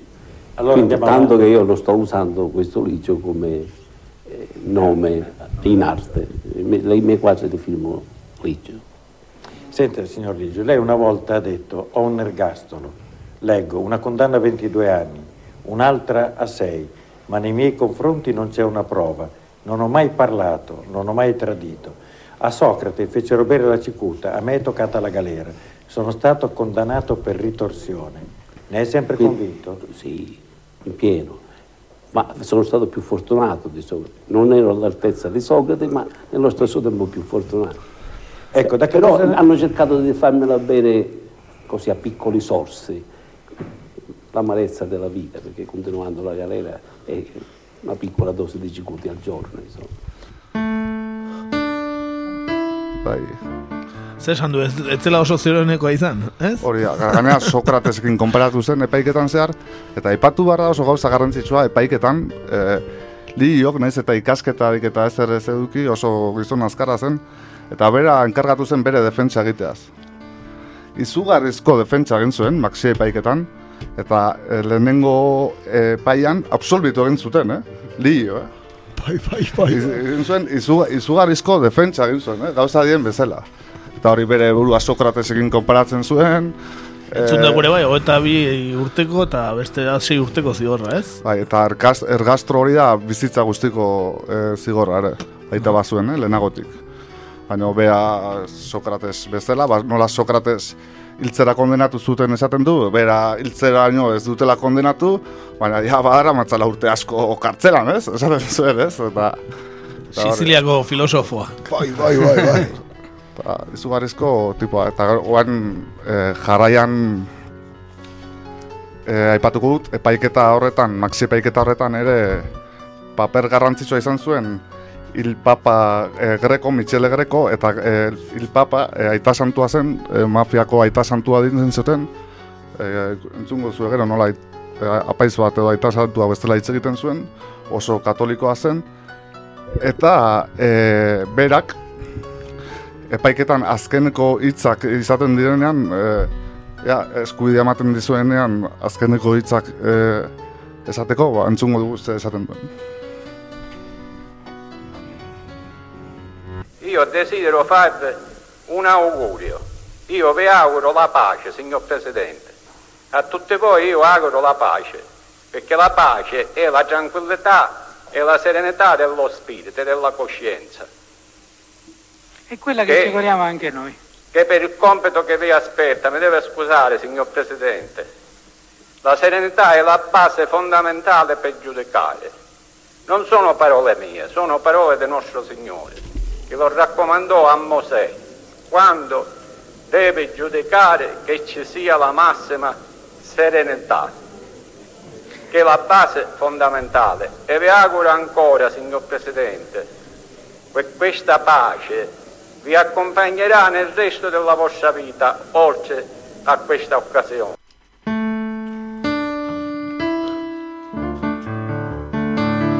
Hori nere herrian mehatxu deitzen da. eh? Nere herrian ere mehatxu da. Ba, ba, gero zer, zer etorriko zitzaien auguratu ziren, ez? Bai, bai. ba- Zeba zuen pakean ondo Lehenengo pentsatzen. seneri, serenitatea eskatzen zuen, ez da? Eh? Eta ez zirela bere hitzak, jangoikoaren baizik. eta, eta serenitate hori beharko zuela bizitza guztian, ez? Hola guztian esaten die espailari.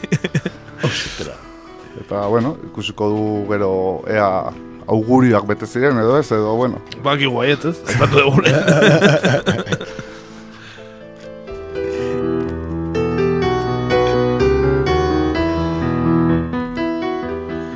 Zeren eh, augurioa bete ziren eh, Giovanni Falcone hil zutelako, ez? Eh, mila bat zireun da laro eta amabiko maiatzean, ez da?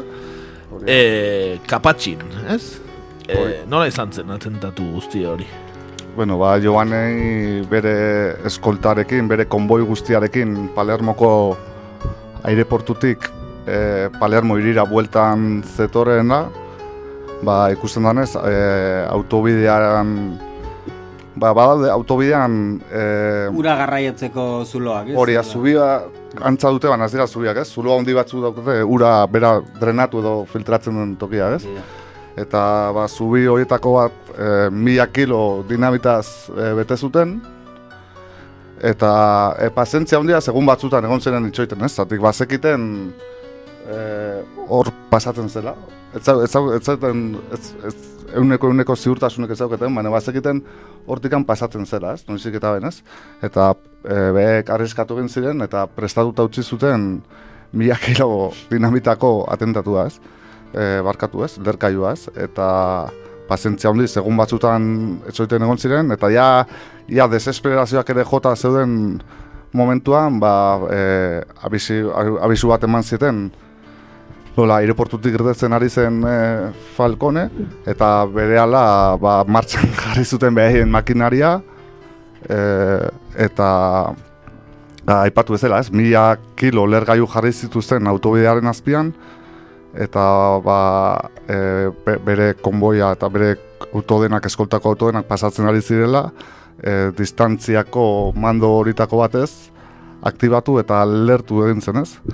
Esaten denez, izugarrizko lerketa izan zen, e, e, ordutik, garai hortatik, atentatu horretatik, ja, Beirut deitzen hasi ziren Palermori, ez? Zatik, e, Falconeren aurkako atentatuko irudiak, eta agia esan, izugarrizko txikiz ikusten da bertan, eh? ikusten da amarnak auto dana gainera lokatzez beteta errepidea berak erorita eta ba, hori izan zen ez, mila kilo jarri zizkiotela eta distantziatik elderrazi zutela ez. Eta pizka bat entzungo dugu jarraian audioan e, bertako e, notiziek egun harretan nola ez, e, kontatu zuten atentatuaren berri. Buonasera, siamo in grado di darvi le prime immagini dello spaventoso attentato nel quale ha perso la vita il giudice Giovanni Falcone e almeno tre uomini della scorta, 20 le persone che sono rimaste ferite. L'attentato è avvenuto nel tardo pomeriggio sull'autostrada che collega Palermo a, Tra- a Trapani. Collegamento subito con Palermo per vedere. Ecco, c'è Salvatore Cusimano. Buonasera Cusimano, ecco. Buonasera, vi mando immediatamente le immagini che sono state girate dal nostro collega Marco Sacchi che è riuscito a penetrare la barriera che rendeva impossibile l'accesso e ha girato queste scene, scene drammatiche, scene da guerra.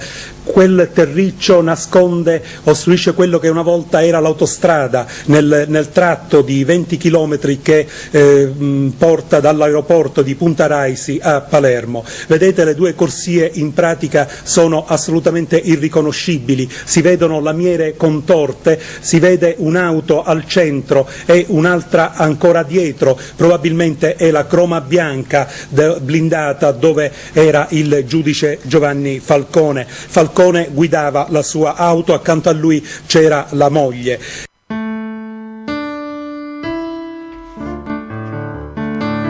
Bueno, irreconocible, eh? Hori, hori ulertzen da. Bai. Eta ez zuela erresa eh, kazetariak ez, tokira iriste ere bai, hori ulertu dut nik ere. Hori da. Eh, bueno, benetan eh, Italia oso astindu zuen Gertaera, atentatua izan bai. zen, ezta? Hori da, eta ba, dirudienez, eh, il Papa Grekoren auguria bete zuena, ala? Bai, bai. Eta, jain, eta jainkoaren ere, ez? Bai. Esan zuen epaiketa. Serenita. Da, aita, aita santua bazan, eh, jaingo zen zer, jaingo zer, zer jainko eri buruz. E, lehen aipatu dugun epaiketa e, larogeita zei eta larogeita zazpi urte artean izan zen, e, larogeita zazpi urte amaiera arte iraun zuen, eta gero egoten da garai bat e, apelazioak eta gero kasazioa, italian kasazioa ere izaten da, eta e, bueno, kontatu behar da, e, historikoki e, naiz eta epaiketak galdu, mafiak bazauketara beti e, kasazioa irizten zirenean, zeukuten ziurtasuna e, beti ba, libre aterako zirela, ez? Absolutu egingo zituztela, zertik bulego hori beraiek kontrolatzen zuten, ez? Beti zekiten, e, beti, euneko eunean e, atera egingo zirela, ez? Eta kasu honetan ere berdin pentsatzen zuten, bai Rina eta bai konpainia, bueno, naiz eta Rina oraindik bea atxilotu gabe egon, uste zuten e, nola kontaktuak e, zituzten demokrazia kristinako politikoekin, ziur zeuden ere beti bezala, larogeita mabian kasazioan irtengo zirela, ez? Eta larogeita sei urtetik epaiketak iraun zuen bitartean eta kasazioaren epaia iritsi bitartean bakea egon zen Palermon, esaten dut zugarrizko bake garai bat izan zela, ez? Eta eh, esperantza zuten denak libre aterako zirela, ez? Eta larogeita mabian denen usten kontra, ba, epaiak, ganera bizitza guztiko kondenak eta ez bat ere e, epaik, e, kondena horiek jetxi gabe, ba, denak zigortu zituenean, ba, ez zioten barkatu, ez? Ez zioten barkatu, eta hori hori izan zen. Bai, ikusi ahal izan dugu, ez, e, aseguratzera joan zirela, ez, mila kilo jarrita, ez da.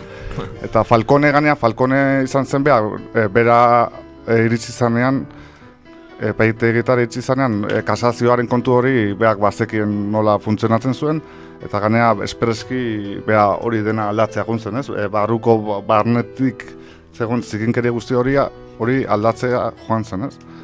Zea, modu rotatio, rotatorio bat jarri zuen, ez? E, nolabait bertan zeuden epai, e, ba, epaileak e, aldatzen joateko eta e, justo kasazioa tokatu zitzaien momentuan ez zegoen beraiek nahi zuten epaia modu honetan, ez?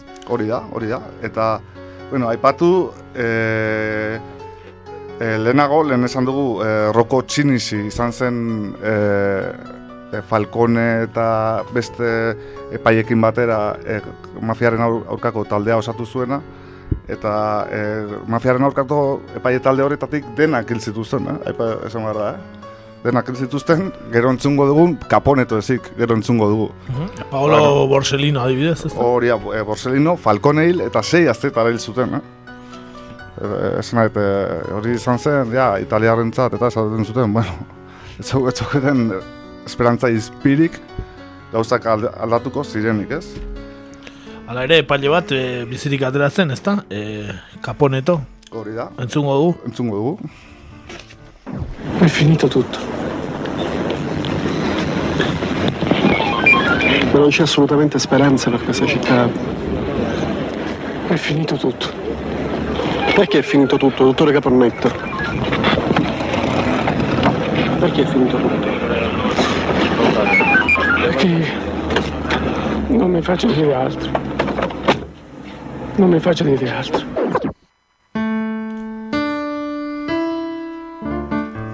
Dena amaitu da, esate zuen, ez da? Dena amaitu da. bai, zatik, e, ja, Borsellino hil zuten, Borsellino hil zutenean, bere etxe alboan baita e, bomba auto batez, ere, ba, izugarrizko lerketa izan zen, Palermoko auzo bat, bueno, ja, txikituta geritu zen fatxada guztiak eta barrez.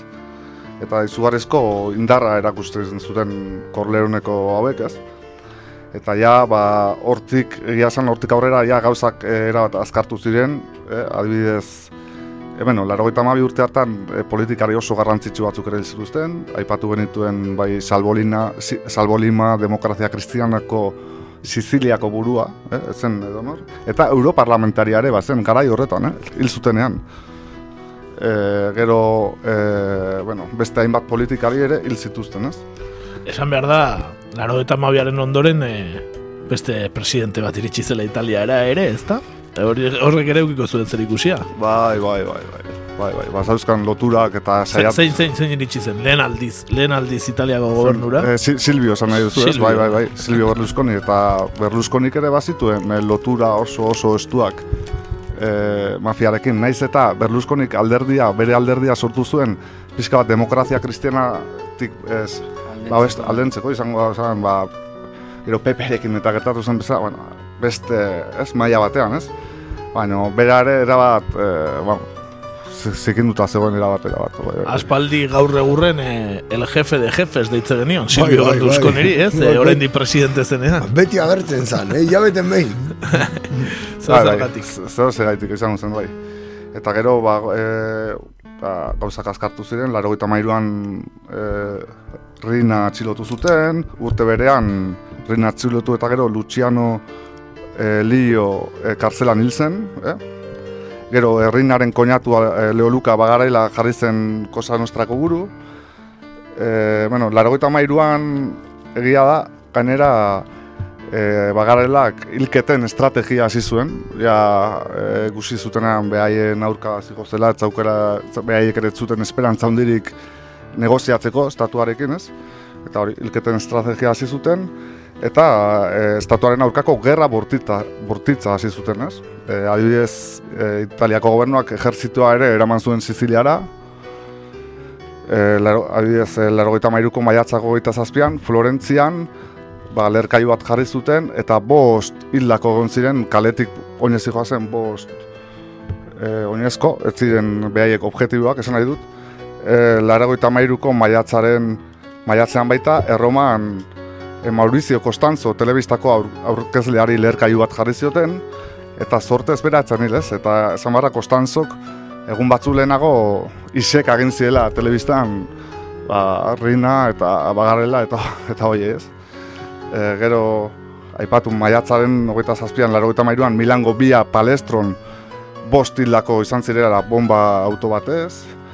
Urriako hogeita maikan, Erromako bia gladitoren e, ba, estadio olimpikoaren ondoan, e, Lazio Udinese futbol partido amaieran, e, ere, e, detonagailuak utz egin zela, baina asmoa zaukaten, bertan sarraski bat egiteko, ez? Beraz, ja, jende arruntaren bila joan ziren, ez? Hori bila. Hori nahi zuten negoziatu, nuela doala ez, estatuarekin ez. Eta gero ere Eliza ere sartu zen. E, Juan Pablo Bigarrenak eh, mafiaren aurkako pues, oso hitz gogorak esan zituen. E, eta erantzuna u- uztailaren hogeita zazpian etorri zen ez. Erromako San Giovanni eta San Giorgio Elizetan lergailua jarri zituzten. Ez zen biktimarik egon. Oso katolikoak mafia buruak, baina ez daukate inungo aurreiritzirik, eh, elizen aurka ere egiteko. Hori da. Ondo esan den moduan, serenita, ez da? Serenita. Eta ur, urtebereko iraian, e, pa, Palermoko ek- ekialdeko e, Branaccio auzoan, e, padro, padre Pino Puglisi izan zen mafiaren aurkako ba, e, apaizen artean ba, nabarmendu zenaz, gehien nabarmendu zenaz, ba, bere etxeko atean itxaron eta bertan hil zuten ez. Eta gero handik urte batzuetara e, bere, bere hiltzaietako batek aitortu zuen e, Puglisi aita apeizak, ba, irri, irribarra egin ziola tirokatu baino lehen, ez? Eta zuri itxaroten ari nintzen, esan omen zion, apaizak e, berari, ez? Bazekin ze etorriko zara? Jangoikoa ikusi zuen. Augurio, augurio, eh, ez da? San Pedro kabizatu zion. Bai. Bueno, historia bikaina, Bai, ez da, beste behin, eh, asko gehiago ere esan daiteke, Bai. baina... Eta hori ez, gero jarraitu genuen, larogeita magostean e, beste bat izan zen ja, e, bagarrela atxilotu eta beste bat jarri zen buru, gero bakegu berandugo Bernardo Provenzano eta bere esaldi guzti hura eta dena, eta gero pixatea aipatzaren, orain dela bi aste uki genituen berri horiek, non e, larogeita mar lagun atxilotu zituzten Sizilian eta Italiako beste tokietan mafiarekin, ez, lotur, lotura lotuta, ez? Mafiaren aurkako operazio batean, ez? Osea, ematen du gauzak jarraitzen duela eta ez dela bere alamaituko ala. Ez ez. Ez da gutxo ere. Amarka askotako historia dauka mafiak eta ez dirudi bukatuko denik, ezta? Abestitxo bat ekarri dugu, e, pixka deskantsatzeko, Siziliako artista ekarri dugu, Roy Pazzi, e, besteak beste, The X edo Manu Chao, bezalako e, musikariekin kolaborazioak egindako trompetista, e, ba, jazz, Siziliar jazza jotzen duela esaten dute. Beraz, entzun zegun Roy Pazziren kantu siciliano.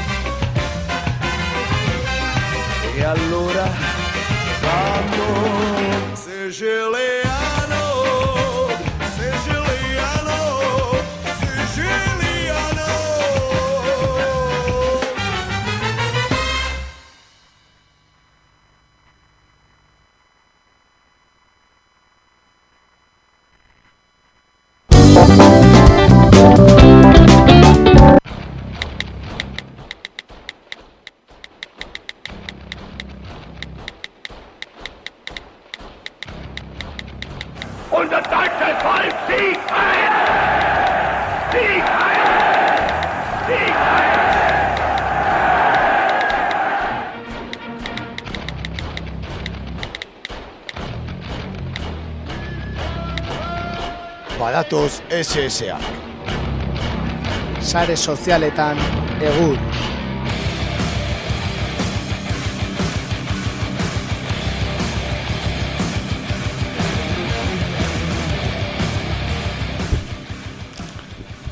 Gaurkoan gaia nahiko argi izan dugu, edo? Ez baita sare sozialetan trending topic Euskal Herri bat izaten, ez? Oso gertu dugun eta sentitzen dugun herria gainera. Beasain alegia, eh?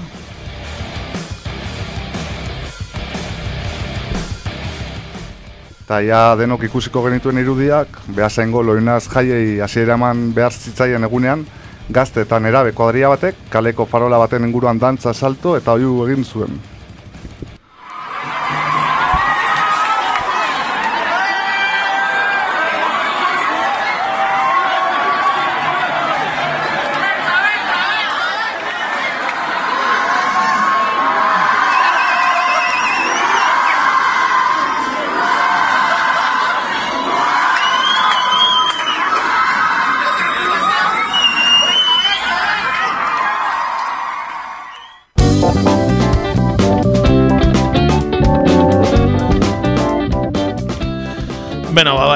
Jartzun handia izan du sare sozialetan, eh?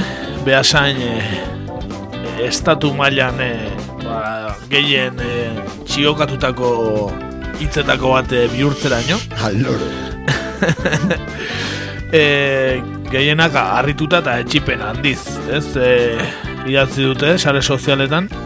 Baina noski, Espainialdean egon da behasaingo akelarrea ba, Euskaldunekin sartzeko aprobetsatzeko, ezta? Asko ikusi izan ditugu, RH negatiboari buruzko kontuak eta bar nola ez, eh? Espainiar fascismoak beti ateratzen duen gaia. Beitu, adibidez, guaje salvaje que esaten du, fiesta en, Biasa, en Beasain ayer. Ya sabíamos que los recogenueces y los bilduetarras son inmunes a las normas que rigen en el resto de España. Ahora sabemos que también son inmunes al COVID-19. La Arzainza no movió ni un dedo porque no habían banderas nacionales. bueno, ez du, ez du eh, pasatzen uzten ez daukeratxo bat ere hauek, eh? Ez ez. bueno, bandera nazionalena ez deto sondu lertu, ez da? Ze normalen alderantziz izaten da, ez? Bai, bai. Egia esan eh, Espainiar bandera baldin baduka eta gainera beste uso beltz zikin hori, eh, ba, ba guztien dute danetik egiten. Hori, arazo gutxi ematen du normalean, baina, Bai, bueno, tira. Bueno, eta bestela, ba, adibidez, Laurak, para la chusma proletarra parece que todo vale. Un edil de Bildu participó junto a decenas de jóvenes en un baile masivo en Beasain. Ba, bai, dirudienez EH Bilduko zinegotzi bat zegoen, ezta? E, dirudienez, Mariren jeitxiera irudikatzen, irudikatu nahi zuten, ez? Hola hasten omen da behasaingo loinaz jaiak horrela hasten direla, Mariren e, jeitxierarekin. Eta orduan ba, pertsona talde batek ba, ausardia osoz ba, farola batera ingurura joan ziren eta han bueltak hasi ziren dantzan eta are ausardia handiagoz e, pertsona horietako bat e, farolara igo zen eta ezker besoa altxatuz ba, ba, emate zuen COVID-aren aurkako iraultzaren simbolo berria, ezta? E, hor farolan igota. Eta, ba hori, e, historiara pasako litzateken figura, ezta? E, farolan igota, besoa zabalik. Bueno, ba, kontua da, txioan entzun dugu muzela, figura handi hau, ba, behasaingo EH Bilduko zinegotzia dela, ez? Eta dimititu egin duela logikoa den bezala. Eta historiara pasako da baita. Bai.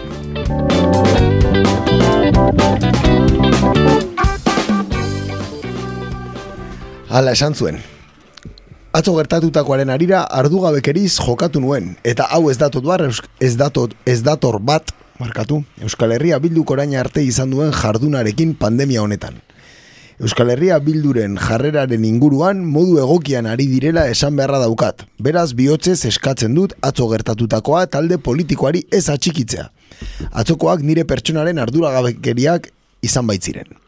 Hori horrela izanik eta honek guztiak sortu den oihartzuna eta kaltea kontutan izan da, kargoa ustea erabaki dut. Barkamena eskatu nahi dizuet, behasaingo herriari.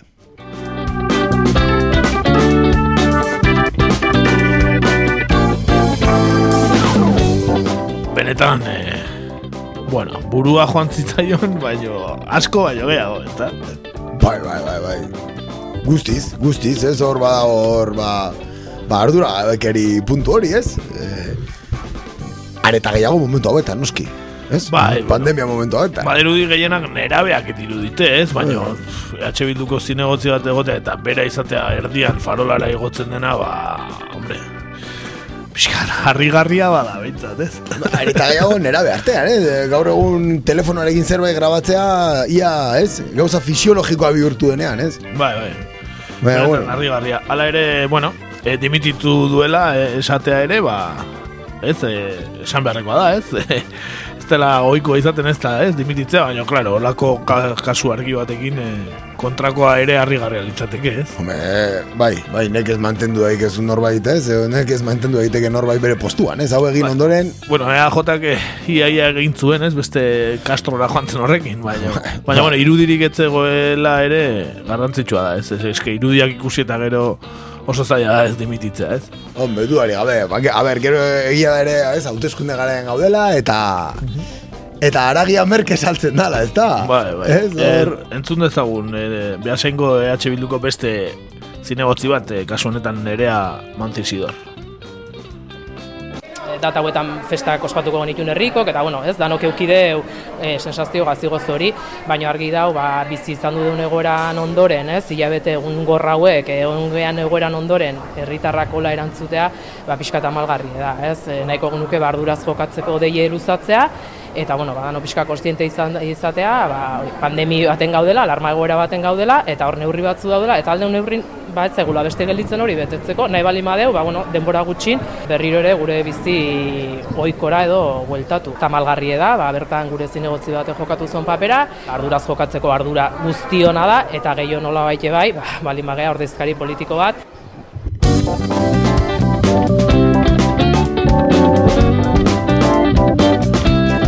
Bueno, beste zinegotziari falta izan zai- zaitzaion zentzu guztia duten hitzak, ez da? Bai, hori da, hori da, ez nahiko evidentea dirudi, ez, esaten duena, Bai, ala ere entzun dezagun baita ere behasengo alkatea, EAJ-ko Aitor Aldasoro. Ba, sensazio txarra. Hainbeste hilabeteko esfortzue personala baino irudikatzen dezuna, hau da herrina.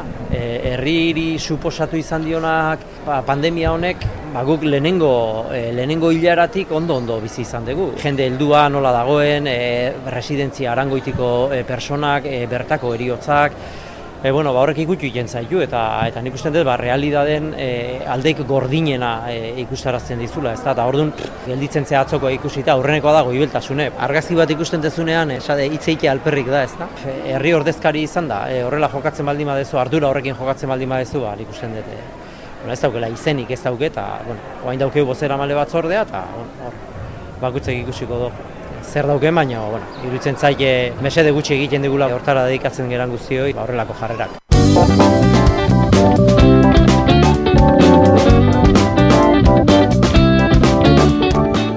Ba, hoxe, e, hori behasaineko kontuak ez da, esan e, beste parte hartzaile guztiek ere komunikatu bat atera zutela, ez, barkamena eskatuz, eta nabarmentzekoa esatea e, gure pertsonak epaitu nahi baituzu eskubide guztia izango duzu, baina gure gurasoak ez dute atzo gertatu dutakoarekin zerikusirik, eh? Esaten zuten, e, gure gurasoak ondo ezi gaituztela, eh? bai, bueno, ba, bueno, hori gutxenekoa da, ez, kasu. Bai, baina, bueno, argi dago hau idatzi dutenak nera beha direla, ez gurasoen aipamena eta ez argi dago, ez nik e, irudia ikusita ere nahiko argi dago gurasoi nerabe kontuak diruditela, ez? Bai. Gehien bat, ez, ba, hori, egun hortan azten ziren behasaingo festak, eta, ba, bueno, egon gozian hor terrazan baten, esan goztuen, jo, ba, ze pena, ez daude festak, eta, bueno, nerabe kontua, ba, asizian, farola bati bueltaka dantzan, ez, baina, justifikazioa dana parola igotzea, nada. Hori da, Eta- hori da, hori. Eta zinegotzi bat izatea, hori, hori ez, ez da inungo burutan sartzen. Hori da, hori da, ez daka ez buru, eta hori argi dago, ez gero gira ere, ez, egoera izan dana, baina gehiago dramatizatzeko, ez, e, jarrera ere ikusi dela, ez, Noski, noski, a ber, ez da, bueno, Bai, jakin, eta ze kontestutan izan da, ez? Az- Aste guzti hau biribiltzeko ez da, ez da nahi eta aurrez prestatuta, ia, ia, ez? Bai, bai, EH Bildu izan da, eh, eh, egun, egunero izan da albiste eh, H Bildu, eh? Alde, gauza bategatik edo besteren gatik, ez da? Bai, bai, etzai oso borobia astea, baina, bueno, tira. Eta, eta hoxe, baina, bueno, gauzak bere neurrian, ez? Ez?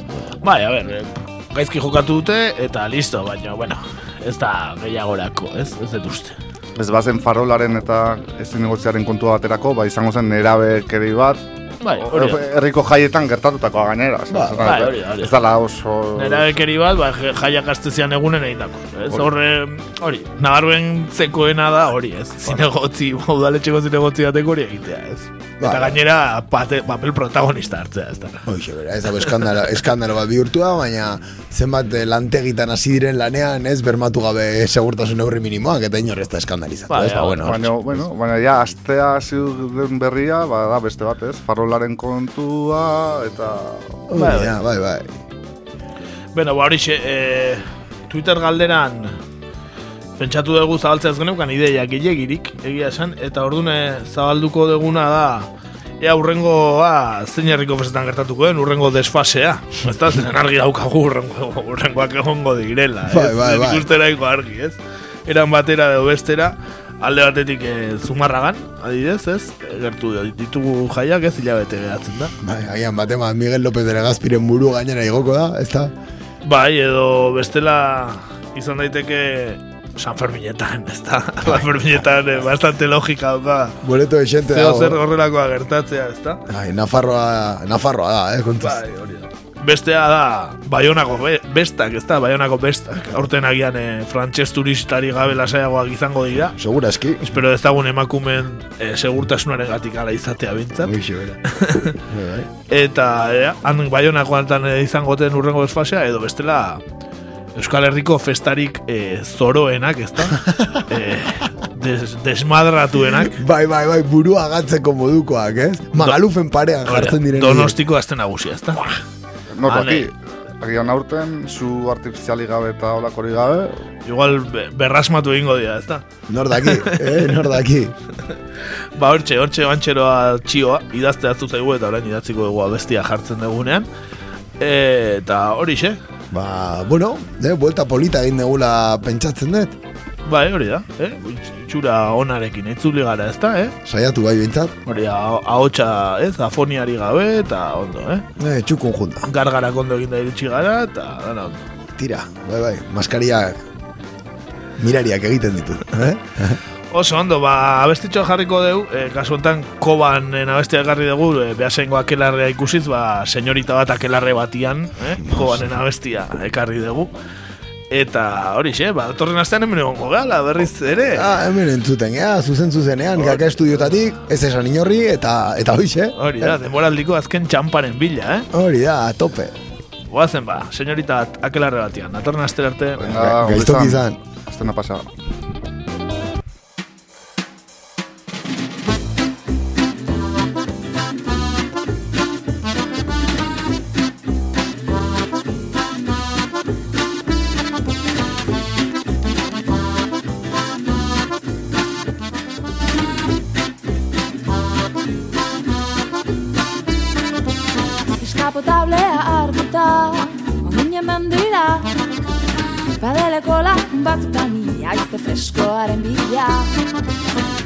Teniseko zapata beltza Xera txuria.